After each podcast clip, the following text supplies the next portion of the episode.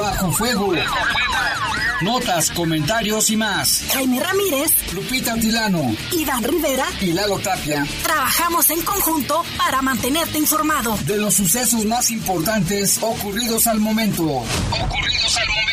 En Bajo Fuego, tu opinión es importante. Comunícate al 477-718-7995 y 96. WhatsApp 477-147-1100. En Bajo Fuego, esta es la información.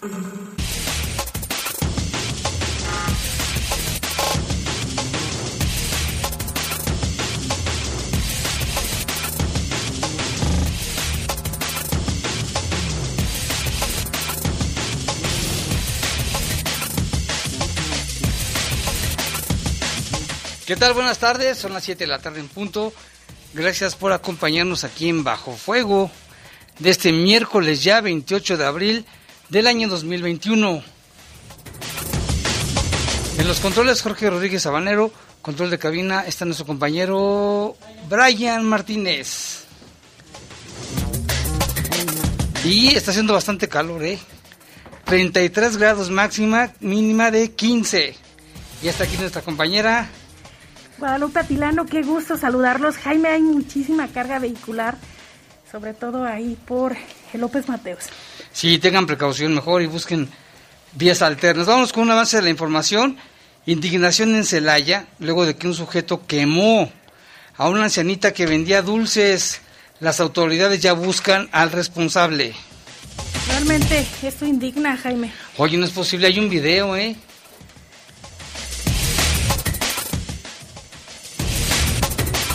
Y también en otra información aseguran miles de dosis de drogas durante un cateo en Guanajuato capital, patrimonio de la humanidad. Fíjate, Guanajuato no se veían esas cosas antes, ¿eh? En la ciudad de Guanajuato.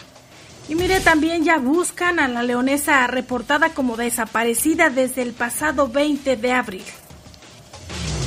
Y sentencian a 27 años de prisión al sujeto que disparó por la espalda a una mujer. Fíjese qué cobarde 27 años de cárcel le hubieran dado cadena perpetua, pero bueno. Y miren, en Ciudad de México detuvieron al chofer de un tráiler que provocó un percance y dejó como saldo tres muertos, entre ellos cinco. Entre ellos un, año, un, un niño de cinco años, Jaime. Sí, ese accidente en Xochimilco, terrible, ¿eh? Lo querían linchar. Las autoridades lo salvaron. Y en información del mundo, en Estados Unidos, tres hombres fueron imputados por un gran jurado por crímenes de odio e intento de secuestro por la muerte del joven negro Ahmud Arbery a comienzos del año 2020. Ya fueron acusados por crímenes de odio. Son las 7 con 2, la temperatura decíamos que 33 o más, ¿no? A ver, déjame checar para ser exacto. 33 máxima, mínima de 15, con muy poquísimas posibilidades de lluvia todavía. Vamos a una pausa, regresamos con más en un momento. Comunícate con nosotros al 477-718-7995 y 96. WhatsApp 477-147-1100. Regresamos a Bajo Fuego. Estás en Bajo Fuego. Bajo Fuego. León nos necesita. Acércate a la Academia Metropolitana para formarte como policía. Durante mi formación de seis meses como cadete, estoy recibiendo una beca de 8 mil pesos mensuales. Y cuando me gradúe como policía, mi ingreso inicial mensual será de 15 mil pesos. Puedes pedir informes al teléfono 477-720-8816. León, Gobierno Municipal. Las mexicanas estamos cansadas de los golpes de Morena. Nos golpeó cuando recortó los programas de atención a víctimas y los refugios. Morena nos golpeó al dejar sin recursos las guarderías infantiles. Nos golpea cada vez que deja a nuestros hijos morir de cáncer. Morena nos golpeó cuando nos quitó todos los programas de apoyo. Basta, no lo vamos a permitir. Ponle un alto a Morena y a la destrucción de México. Vota PRI. Candidatos a diputados federales de la coalición va por México. Habla Mario Delgado. Tú fuiste protagonista de la victoria del pueblo de México que inició la cuarta transformación. Ahora el dinero público se destina para la pensión de los adultos mayores, para las becas de los niños, las niñas, los jóvenes y para vacunar a todos y a todas. Los de la mafia de la corrupción quieren regresar para cancelar estos apoyos y volverse a robar el presupuesto como siempre lo hicieron. No lo podemos permitir. Vamos a defender juntos la esperanza de México. Estamos al 100 con ya sabes quién. Morena, la esperanza de México. Estás en Bajo Fuego. Bajo Comunícate con nosotros al 477-718-7995 y 96. WhatsApp 477-147-1100. Continuamos en Bajo Fuego.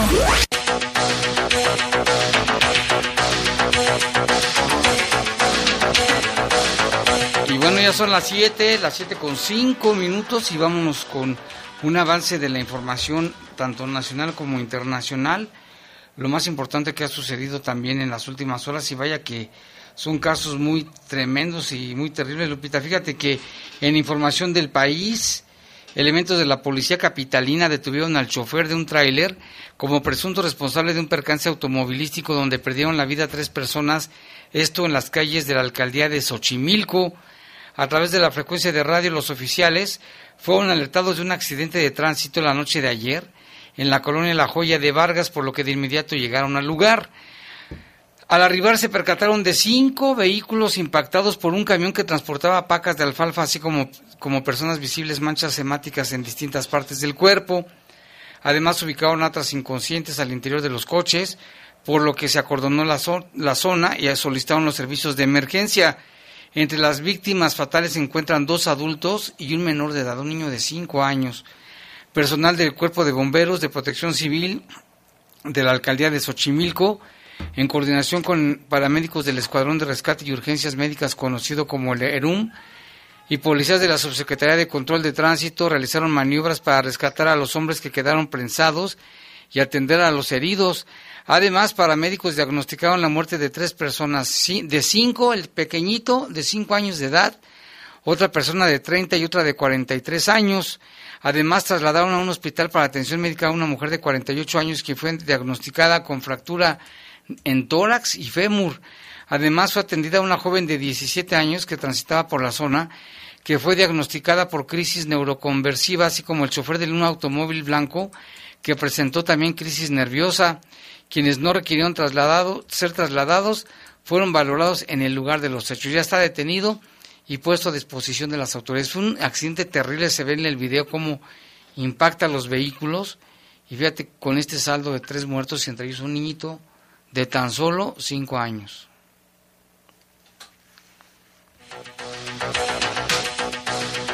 Y vamos también hasta Morelia, Michoacán, donde Raúl fue detenido por elementos de la Fiscalía General de Michoacán por presuntamente asesinar a golpes a su hijo, a su hijo de 12 años de edad. Según la información, el hombre ejercía violencia física contra su pequeño desde hace dos años, ocasionando que el menor presentara varias lesiones en su cuerpo y que le provocara un deterioro grave de salud. Fíjate, desde hace dos años lo estaba golpeando. Sabrá Dios si desde más antes. De acuerdo con la Fiscalía, el pasado 5 de febrero el menor fue agredido nuevamente por su padre en Morelia, ocasionándole que perdiera la vida. Los reportes médicos indicaron que el menor murió de asfixia mecánica por broncoaspiración, compresión en órganos vitales y golpes en diferentes partes del cuerpo. Es una aberración esto, ¿eh?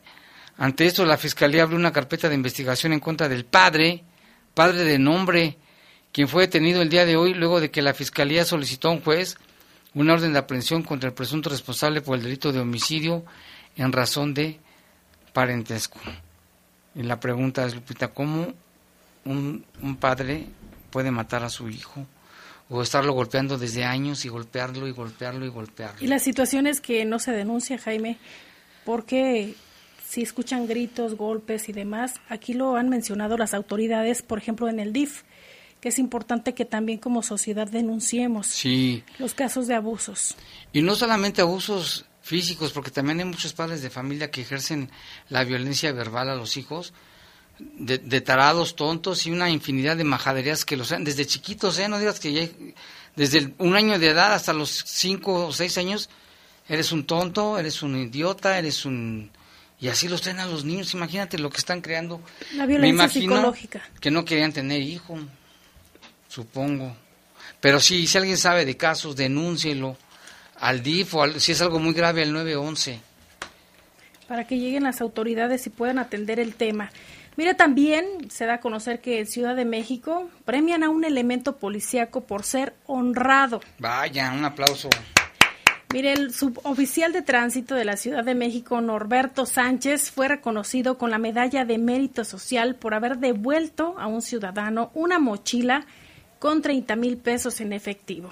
Según lo relatado por la policía, el propietario de la mochila destacó que dependía de ese dinero para comprar un tanque de oxígeno para su esposa, que estaba enferma, Jaime, de la COVID-19. ¿Te acuerdas que vimos a conocer el caso cuando el policía le, regresó el dinero? Así es. Norberto Sánchez agradeció a Dios, a sus familiares y a la institución por la que trabaja, puesto dice que le ha abierto muchas puertas y premió su acción. Además, destacó su reconocimiento hacia Omar García Harfuch, secretario de Seguridad Ciudadana, quien le prometió un ascenso lo más pronto posible. La acción realizada por el policía sucedió en enero del 2021 cuando se encontró con una mochila en los baños de un mercado ubicado en la alcaldía de Cuauhtémoc. Además, el oficial ya había sido reconocido antes por la Secretaría un par de ocasiones antes tras haber frustrado un asalto en el año 2019 y en febrero del 2020 la jefa de gobierno Claudia Sheinbaum le entregó su primera medalla al mérito social y ahora, bueno, pues lo premian, aparte de esto, y ojalá que le cumplan lo del ascenso pronto, 30 mil pesos en efectivo, lo que hace ver que sí hay policías honestos, este, dedicados a su trabajo, con pasión, con, con honor, y pues qué bueno, ¿no? Felicidades a este policía por ser tan honrado. Porque otro hubiera sido... Y se lo lleva. Se los roban, la verdad. Y en información del mundo, en Estados Unidos, tres hombres fueron imputados este miércoles por el gran jurado por crímenes de odio e intento de secuestro por la muerte de un joven negro. Esto sucedió, Jaime, eh, cerca de, del 2020, en el año 2020. así lo dio a conocer el Departamento de Justicia estadounidense.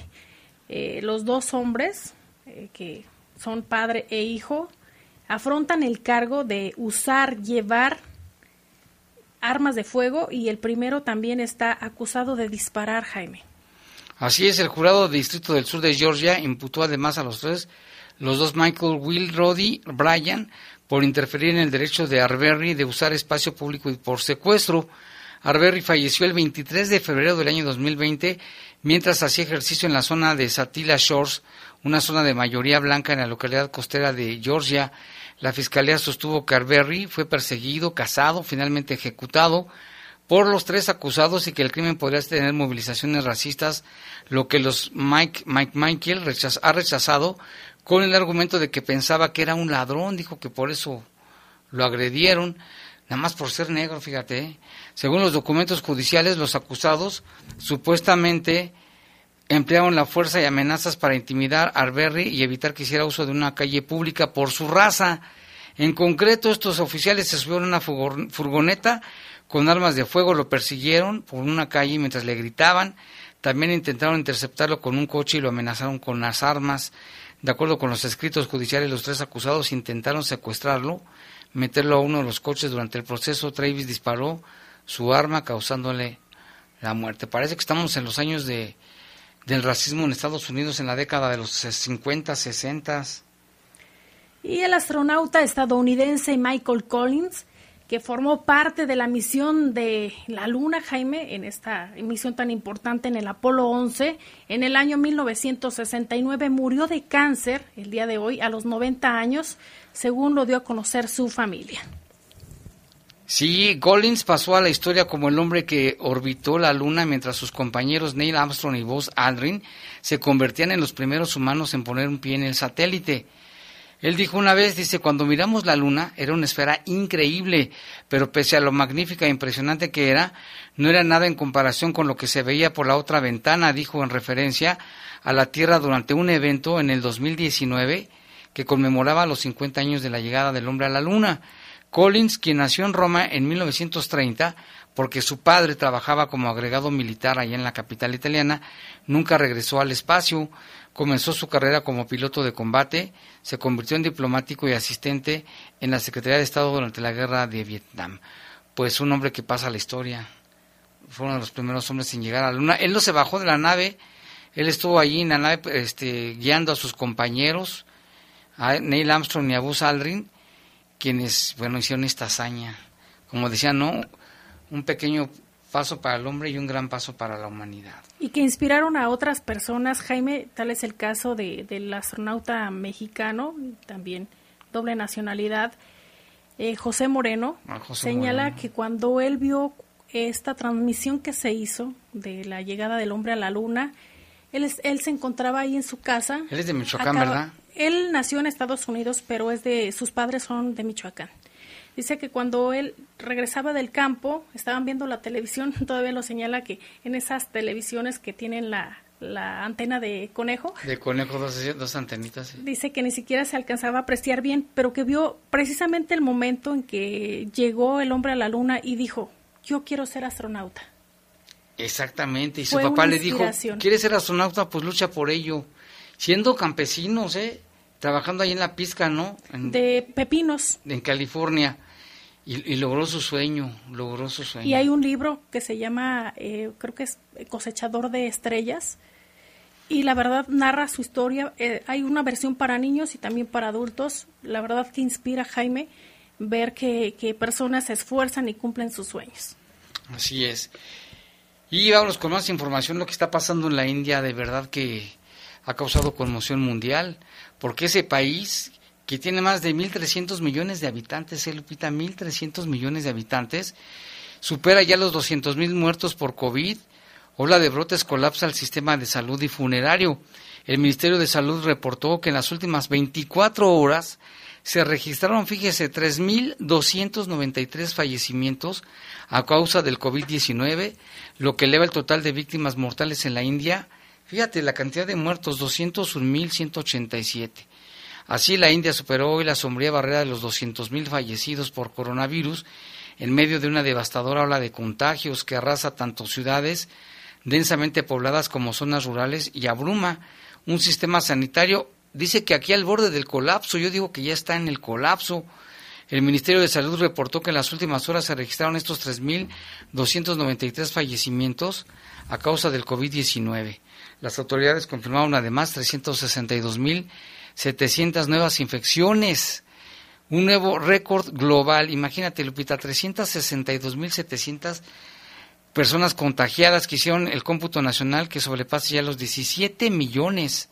La marca anterior era de 350 mil casos reportados. La India, que tiene cerca de, me quedé corto, bueno, 1.400 millones de habitantes, es la cuarta nación que supera los 200 mil fallecidos detrás de Estados Unidos, Brasil y México.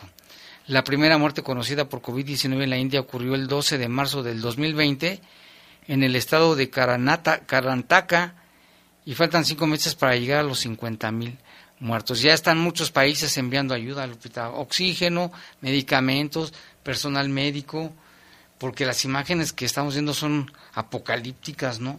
Los hospitales ya no cabe nadie, se quedan en su casa, la gente se está, la están quemando en la calle, ¿Recuerdas que hace ya eh, algunos meses también en Ecuador en Ecuador, en- sí al su- inicio de la- sufrieron una, una situación de colapso también en los hospitales y también se veían, Jaime, los cuerpos en la calle? Terrible. Terrible, hay que seguirnos cuidando aquí en México. Todavía, hoy vamos a tener la información, también hubo un pequeño incremento de casos, tanto de contagios como de fallecimientos, por lo que, como lo decimos todos los días y a toda hora, no hay que bajar la guardia. ¿eh? No hay que confiarse. No hay que Ni confiarse. siquiera aquellas personas que ya fueron vacunadas, que son los adultos mayores, porque de acuerdo a la Secretaría de Salud, y aquí lo hemos comentado, hay eh, contagios, Jaime, contagios de esas personas que ya recibieron alguna la primera o la segunda dosis. Así es. Y vámonos ya a un corte, son las 7 con 18, y sigue el calorcito a todo lo que da. Hidrátese, vamos a una pausa, regresamos en un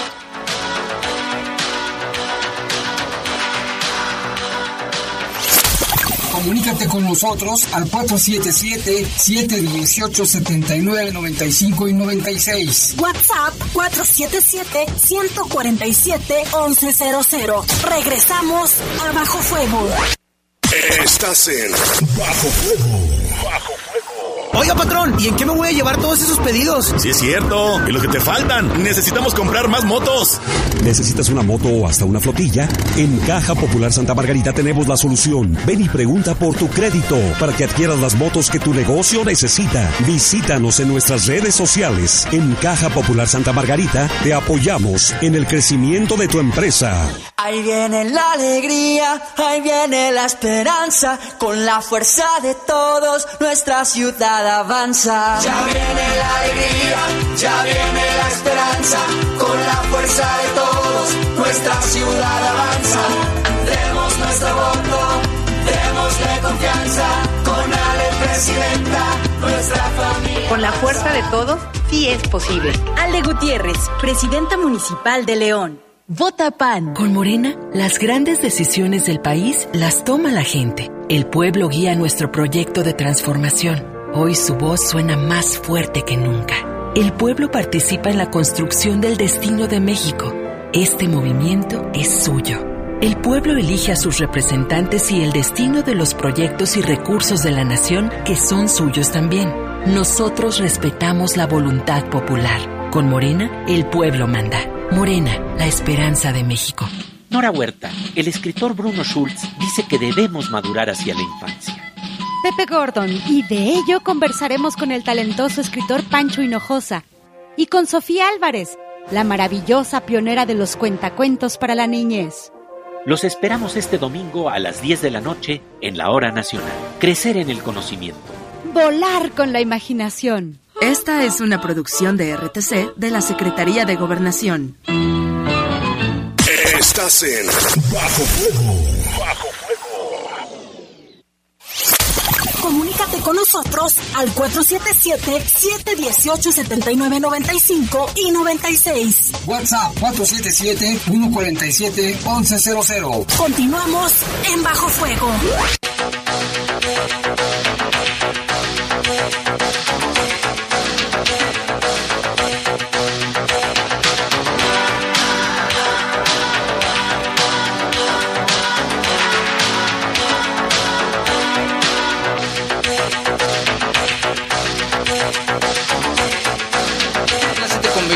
Vamos a tenerle esta historia que sucedió en Celaya el fin de semana pasado. Un sujeto de desquiciado, yo creo, porque hay un video que es viral.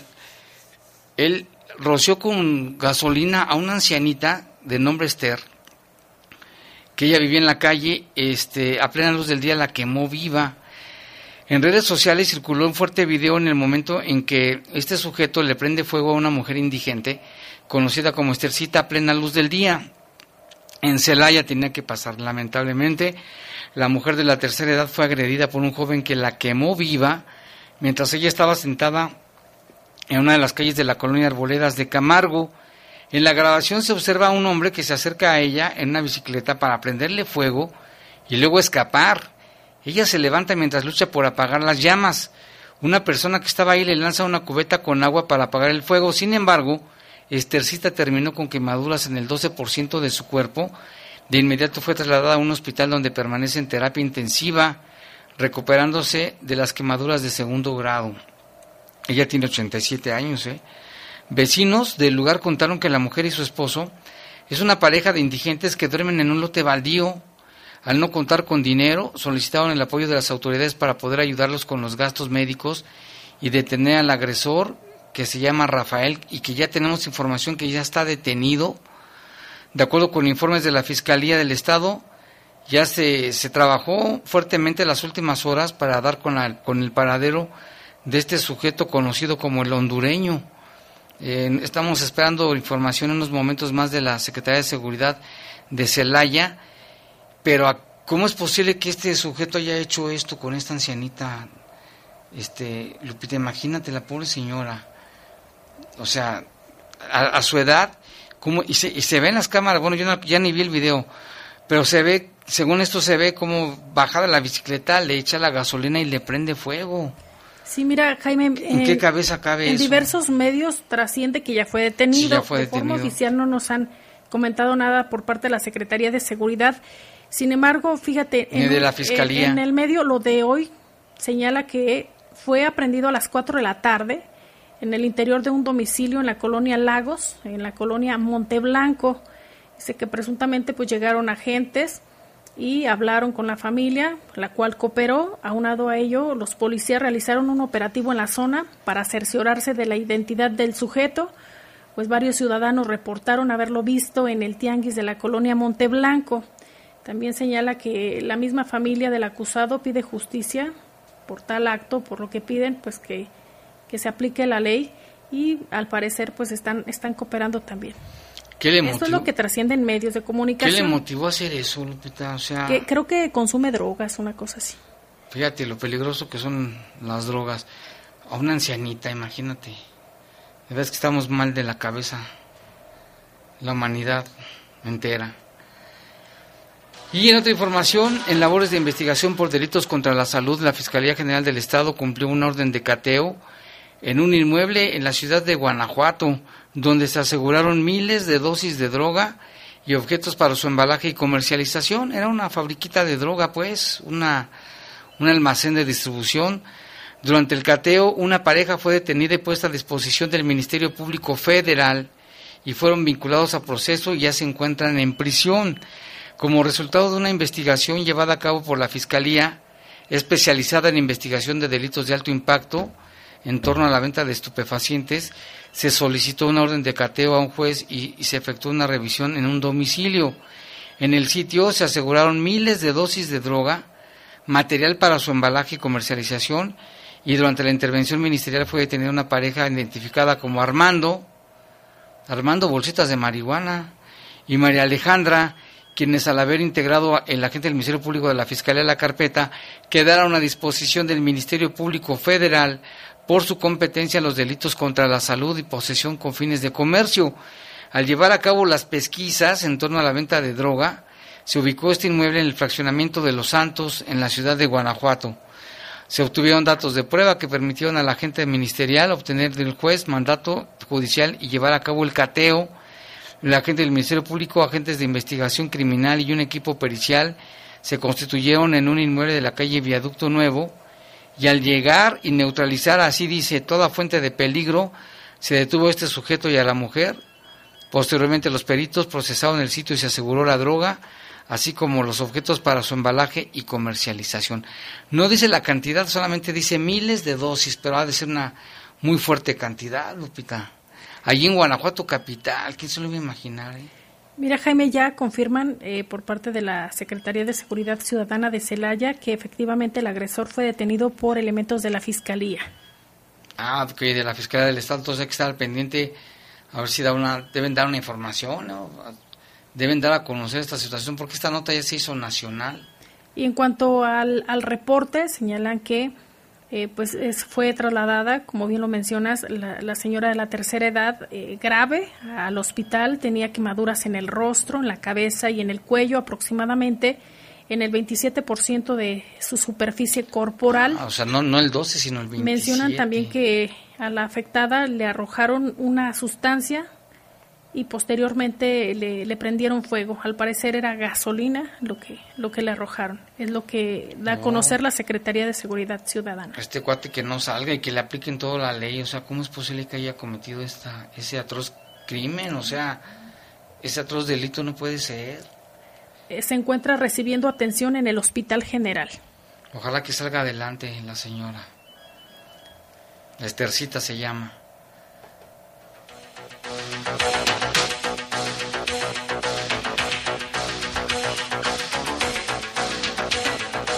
Y la Fiscalía General del Estado encabezó la segunda sesión de la Mesa de Coordinación General con representantes de colectivos de búsqueda y asociaciones civiles.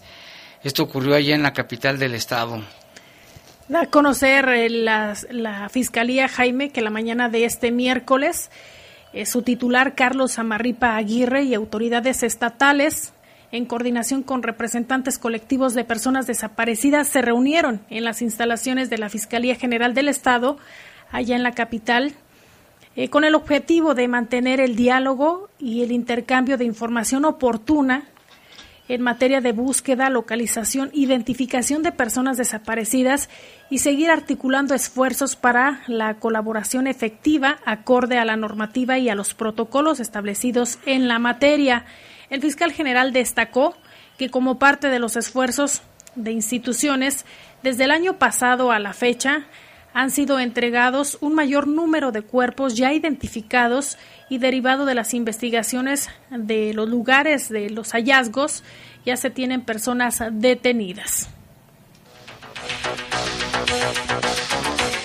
Y es que además reiteró el compromiso de la Fiscalía para desarrollar estas mesas de trabajo tal y como se habían comprometido, Lupita, y muestra de ello es que a la fecha se ha dado respuesta inmediata a los planteamientos que han sido expresados en los foros. Durante el desarrollo de la reunión se enlistaron una serie de acuerdos siendo los siguientes.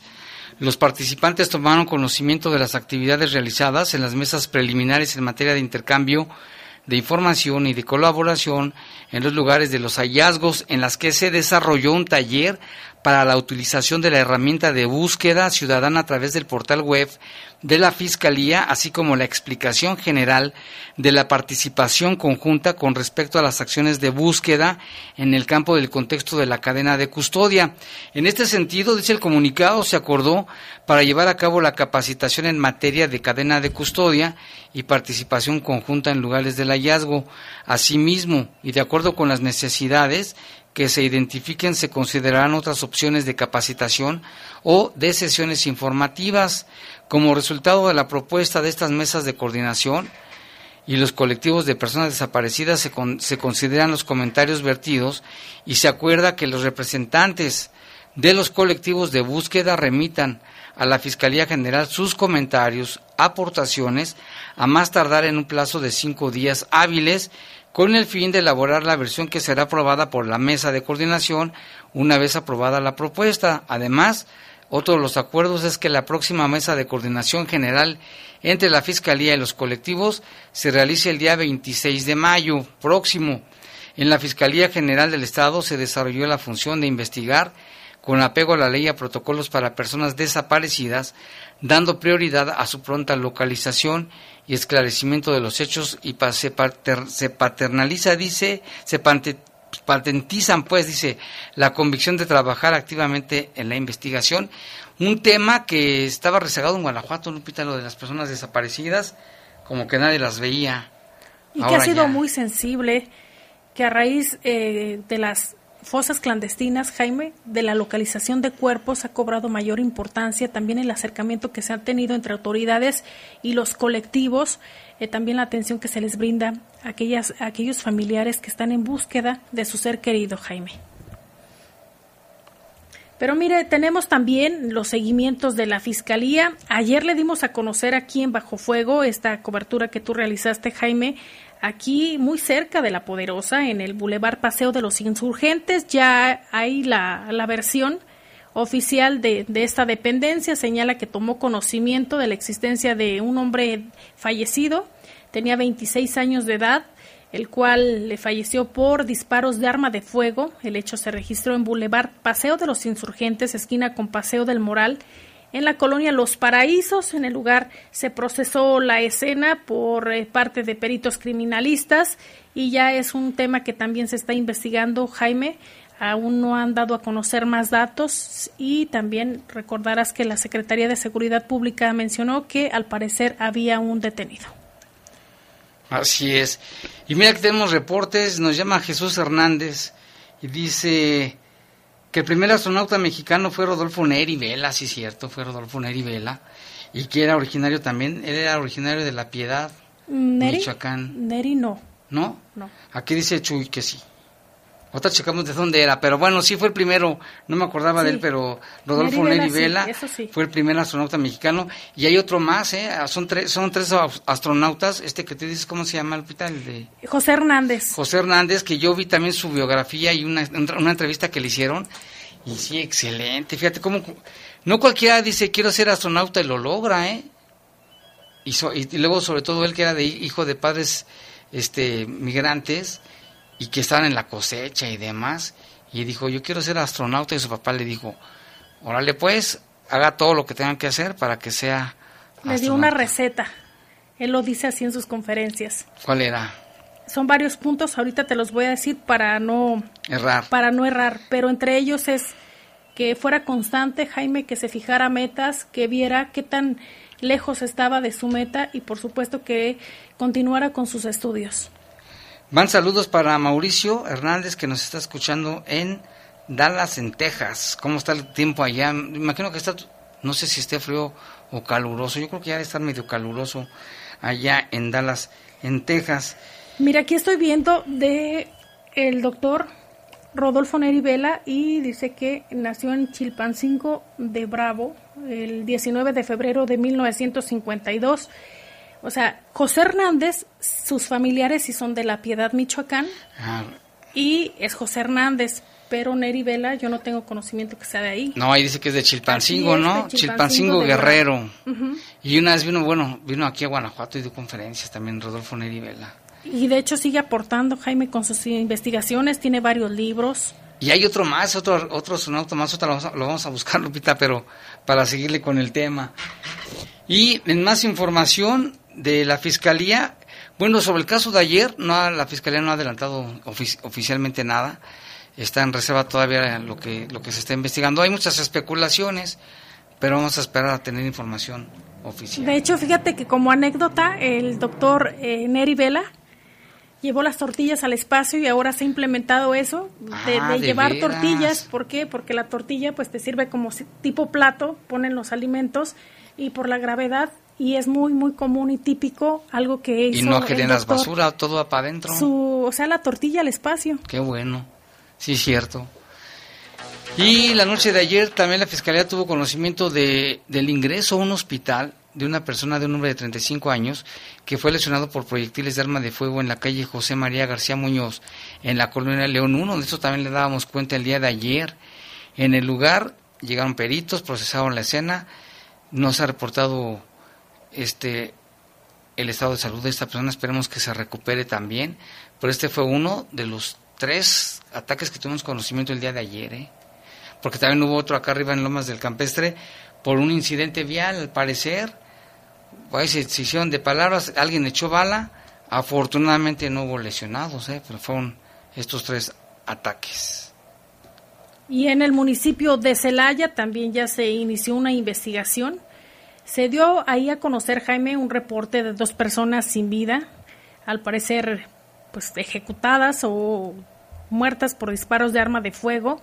Los hechos se registraron en la calle Carlos, M. Peralta, de la colonia Emiliano Zapata, Ahí da a conocer la fiscalía que al arribar al lugar se observó un vehículo de la marca Honda, color blanco, y dentro del vehículo, al lado del copiloto, se encontraba el cuerpo sin vida de una persona, de este hombre, el cual pues ya es un caso que también se está investigando. Señala que fuera del vehículo, sobre el pavimento, se observó el cuerpo sin vida de un hombre también, Jaime.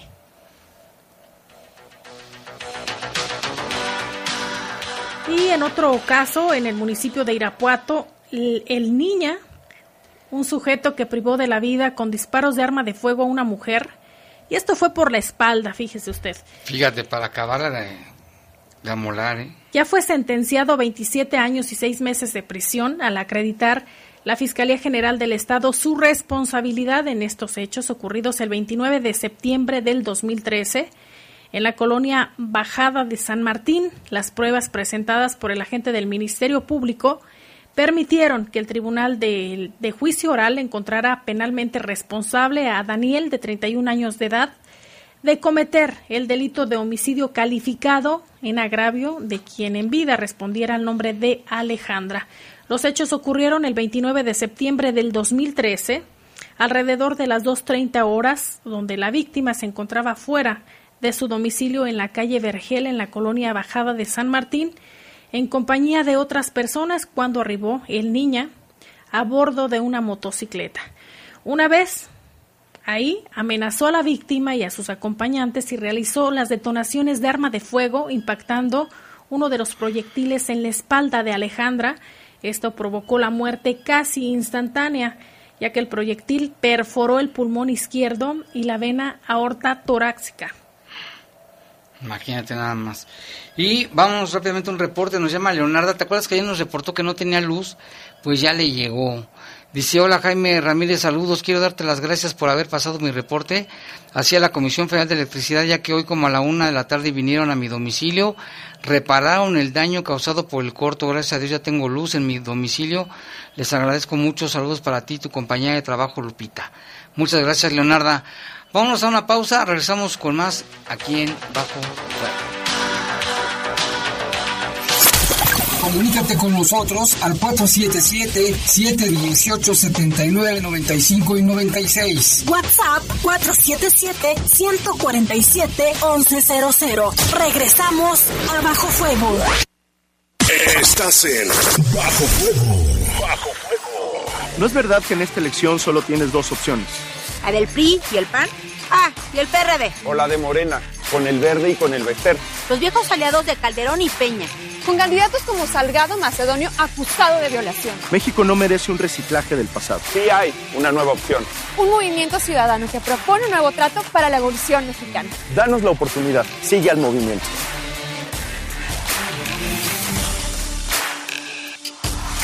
Movimiento Ciudadano. La vacuna contra la COVID-19 es segura, universal y gratuita. Nadie puede vendértela ni pedirte dinero para que te la pongas. Si necesitas denunciar a una persona servidora pública, visita sidec.funcionpublica.gov.mx o llama al 911. Cuidémonos entre todos. Vacúnate y no bajes la guardia. Secretaría de Salud. Este programa es público ajeno a cualquier partido político. Queda prohibido el uso para fines distintos a los establecidos en el programa. Habla Mario Delgado. Tú fuiste protagonista de la victoria del pueblo de México que inició la cuarta transformación. Ahora el dinero público se destina para la pensión de los adultos mayores, para las becas de los niños, las niñas, los jóvenes y para vacunar a todos y a todas. Los de la mafia de la corrupción quieren regresar para cancelar estos apoyos y volverse a robar el presupuesto como siempre lo hicieron. No lo podemos permitir. Vamos a defender juntos la esperanza de México. Estamos al 100 con ya sabes quién. Morena la esperanza de México. Mi amor, por fin ya verifiqué el coche. Ay, qué bueno, mi vida, porque este 2021 no hay ya descuentos en multas, ¿eh? Pero lo importante es cuidar la calidad del aire. Sí, la salud. Consulta en redes sociales cuando te toca verificar. Saca tu cita en verifica.guanajuato.gov.mx. Evitar el cambio climático es responsabilidad de todos. Gobierno municipal. Estás en Bajo Fuego. Bajo Comunícate con nosotros al 477-718-7995 y 96. WhatsApp 477-147-1100. Continuamos en Bajo Fuego. 7 de la tarde con 41 minutos y tenemos un enlace telefónico con una persona que vamos a reservarnos su nombre porque, bueno, él, él es gestor, como otras personas que se dedican a ello, y ayudan a la gente que no tiene tiempo por alguna razón, pues a plaquear sus coches, a darlos de baja, a hacer algunos trámites, pero recientemente se han topado con pared, ahora sí, literalmente. Buenas tardes, señor. Muy buenas tardes. Oiga, pues platíquenos cuál, qué problema han enfrentado recientemente. Eh, el problema es de que, pues, estamos, nosotros nos dedicamos a hacer gestiones, ¿verdad?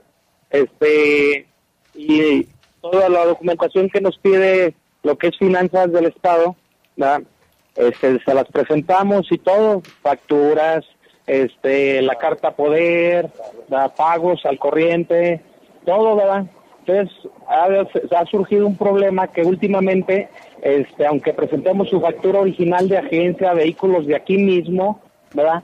Con placas de Guanajuato y todo, pues nos salen con la cuestión de que, no ¿sabes qué? No se hizo tu trámite porque se fue a revisión la documentación. Nomás el único que nos dicen, oye, pero ¿por qué? Si ya está plaqueado aquí en Guanajuato, ¿qué me vas a revisar? La factura, está comprado el vehículo aquí, agencia de, León y todo, y trae sus pagos, ¿verdad?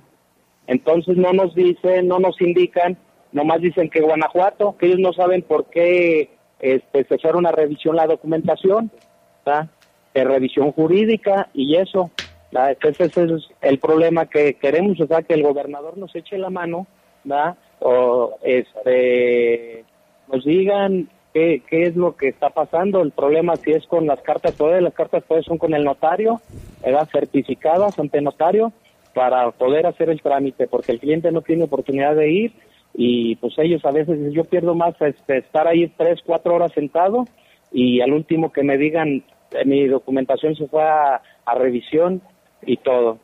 Aquí te voy a presentar, te voy a pasar otro de los compañeros que también tienen el mismo problema, porque no nomás es uno, somos 10 gestores que estamos este pues presentando toda la documentación y nos está pasando lo mismo. Muy bien. Buenas tardes. Buenas tardes. Este, son Este- varios de varios de personas de ustedes que se dedican a ayudar a la gente en los que- trámites. ¿Desde cuándo empezaron con este problema? Mira, tenemos aproximadamente como tres semanas que hemos este, hecho nuestros trámites, este, igual, este, con toda la documentación que nos que nos re- que nos requiere y este y nos dicen que se van a revisión a revisión jurídica. En mi caso, este, mi trámite me dijeron que estaba autorizado, este, hago el pago y cuando regreso del pago me dicen que se va a revisión jurídica. Le digo, bueno, pero ¿por qué o con qué? ¿Cuál es tu sustento? Eh, ¿Por, por- por qué, ¿Con qué sustento me dices que, que se va a revisión? Me dicen que no saben. Presentamos con, me presento con el, el jefe de, de la oficina y me dice que no, que no sabe, que es cuestión de, de, de Guanajuato y que y que es cuestión jurídico y por eso pues pedimos la intervención del señor gobernador para que nos apoye y nos ayude porque pues no nos dicen los las personas este indicadas este y pues nosotros no sabemos pues por eso solicitamos el apoyo de, de nuestro gobernador ¿sí? le pasa que a otro compañero Sí. buenas tardes Sí, a sus órdenes.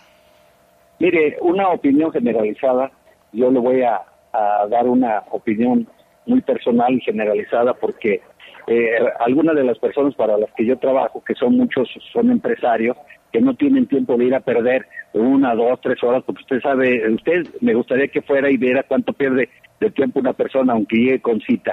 Ya Sí, sé. Las citas son muy largas, las citas eh, se pasan, las revisiones ministeriales cuando son vehículos se pasan.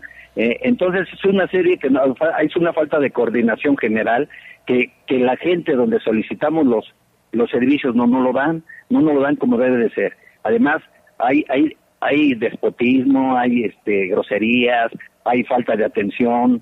eh, entonces eh, eso es general en todas las oficinas. Entonces una gente normal que no está acostumbrada como nosotros a batallar eh, en este en este trabajo, pues se sale echando pestes y diciendo pues que las autoridades no no le resuelven nada y lo peor es que la autoridad no les dice qué es lo que tienen que hacer. Nada más le dicen, ¿sabe qué? No sabemos y usted a ver cómo le hace.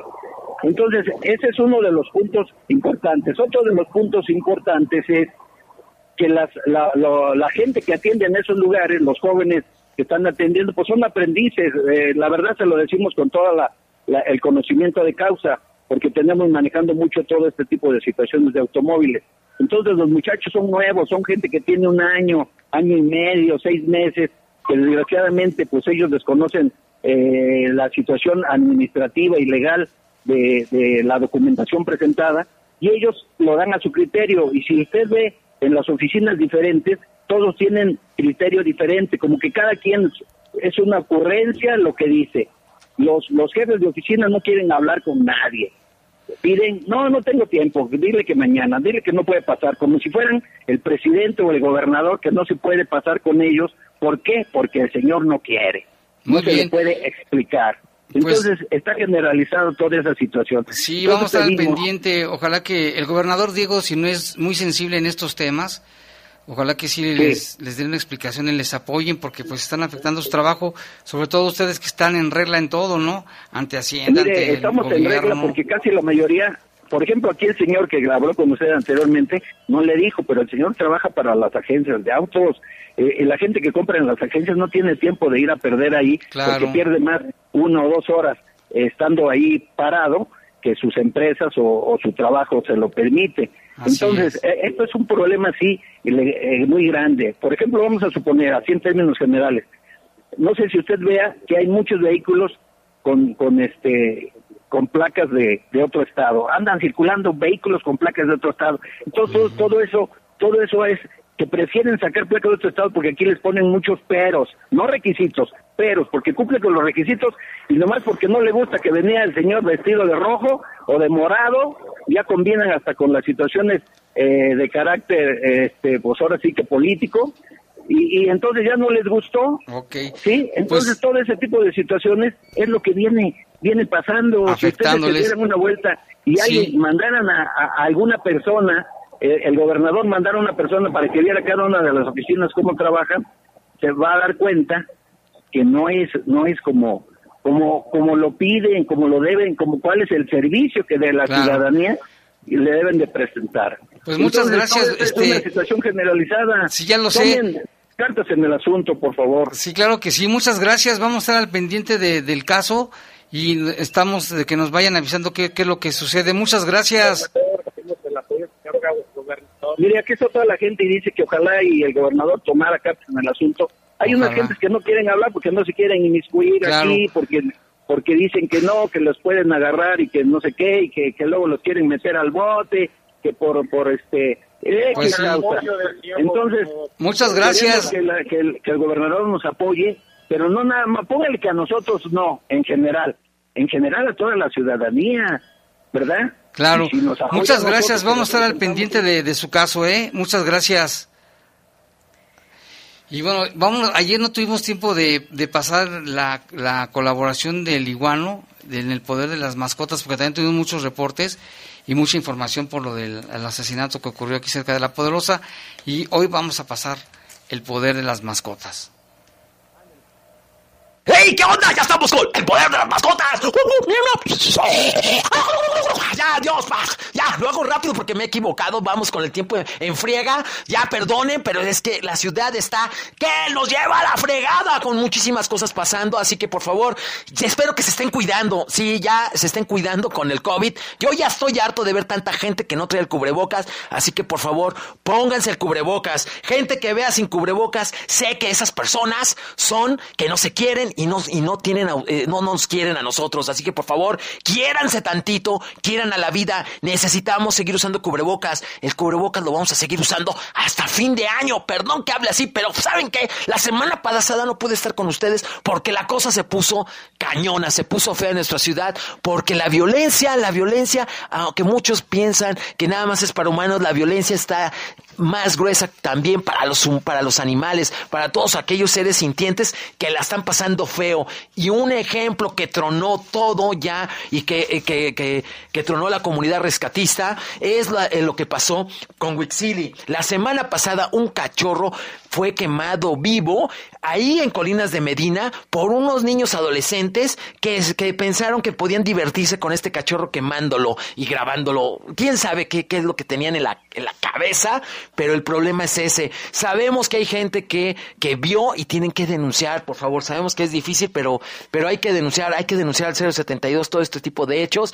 Y la semana pasada, gracias a que en las redes pusieron buscando ayuda para este cachorrito que estaba quemado, la rescatista Alma Arellano pudo entrar en acción y después con eh, la veterinaria Beth Point pudieron, pudieron hacer lo que pudieron, pero el cachorrito no pudo sobrevivir. Porque saben que el cachorrito desgraciadamente cuando se tardaron en subir la información a internet porque las personas que pusieron esto pues se dieron cuenta muy tarde pero ya tenía un va ya tenía varias horas que habían pasado esto. Entonces es importante que cuando alguien vea algo, inmediatamente lo subamos a las redes, avisemos. O sea, porque la vida sigue contando, la vida sigue avanzando y tenemos poco tiempo para poder, para poder salvar una vida. Desgraciadamente no se pudo salvar la vida de Wixili y eso ocasionó que toda la semana, la semana pasada, hubiera un gran movimiento de justicia para Wixili. Que después, gracias a Huellas en el Paraíso, se consiguió la cremación gratis para que este hecho, su cuerpo,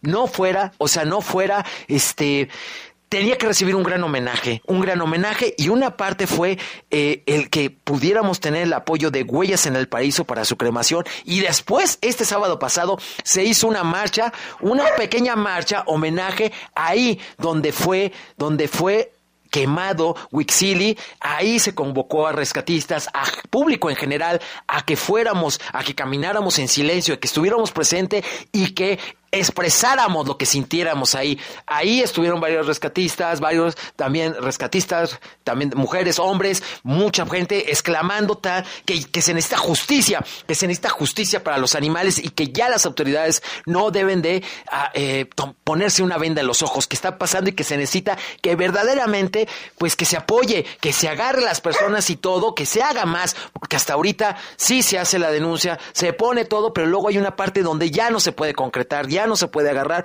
y entonces ahí el Centro de Control y Bienestar Animal queda maniatado porque no se puede. Entonces hay que recurrir. En este caso ya se hizo la denuncia en el Ministerio Público, se está llevando todo, se está investigando y pues bueno, ahí va. Y por otra parte, bueno, entonces si ustedes quieren saber más de este caso, pues ahí busquen con justicia para Wixili, busquen todo. Y ahora quiero convocar a todos, quiero convocar a todos que vayan a checar las redes de la Poderosa o que chequen, chequen este en internet, pero se está, se está haciendo un llamado a todos nosotros por si este, ve, si saben algo, si saben algo de Maite Luciana Tapia Oliva. Maite Luciana Tapia Oliva. Ella es hija de una rescatista y ella está desaparecida desde el martes pasado. Así que por favor, aquí en la ciudad de León, así que por favor se está pidiendo datos. Ella tiene 20 años, cabello, eh, cabello largo negro, ojos medianos ovalados. El cabello es café oscuro, mide 1.52 y pesa 49 kilos. Les repito, se está buscando a Maite Luciana Tapia Oliva, que es hija de una rescatista. Ella tiene 20 años, cabello largo negro, de color café oscuro, tiene ojos medianos ovalados, mide 1 1.52 y pesa 49 kilos. Si ustedes saben algo, comuníquense al 911 ¿sí? Comuníquense al 911 o comuníquense a este número 0 01800 368 6242. Repito, 01800 368 6242. Por favor, estamos buscando a Maite Luciana Tapia Oliva. Si ustedes saben algo, por favor comuníquense otra vez al 01800-368-6242 o al 911 o aquí a La Poderosa, por favor. Comuníquense en las redes de las redes sociales de La Poderosa. Ahí van a ver la foto, así que por favor compartamos y ayúdenos.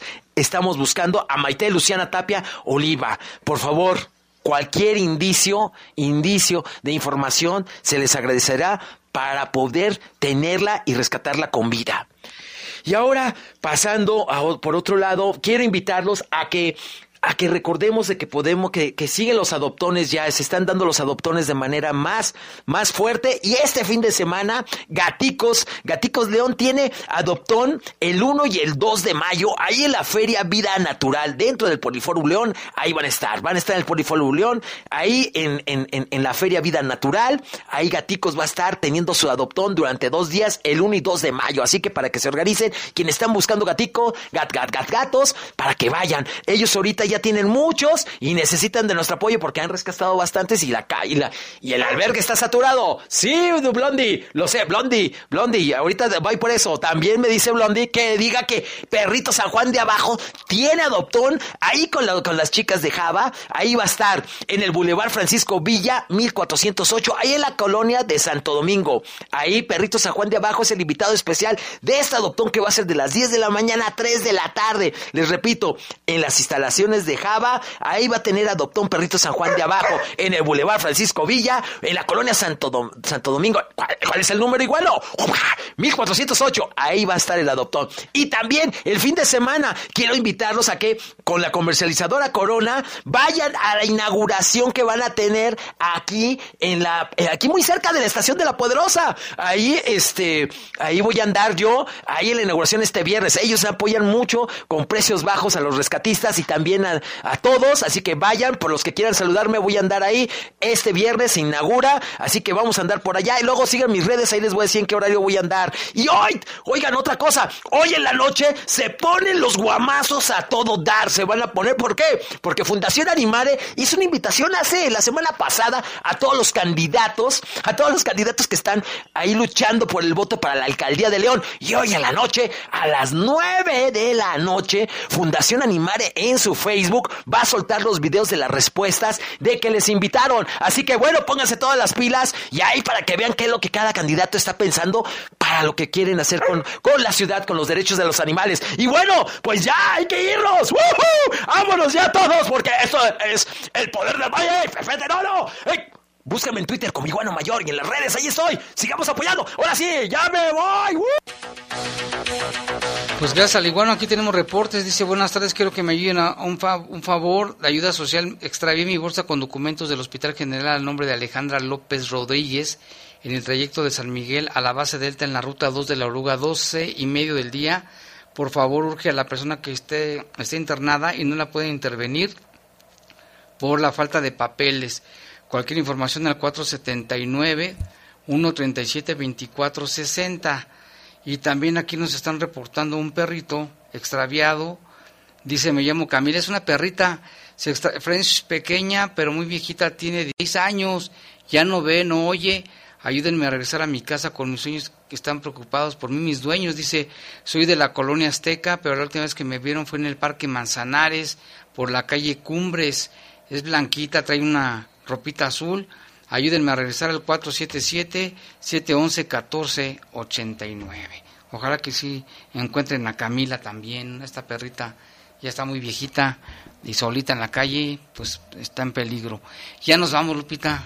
Así es, a seguirnos cuidando, por favor. Recuerde que es importante tomar todas las medidas de higiene porque la pandemia sigue vigente. Y no bajen la guardia. Le invitamos al programa de leye- Leyendas del Fútbol, del Poder, Leyendas del Poder. Los servicios informativos de la poderosa RPL presentaron El noticiario policiaco de mayor audiencia en la región. Bajo Fuego.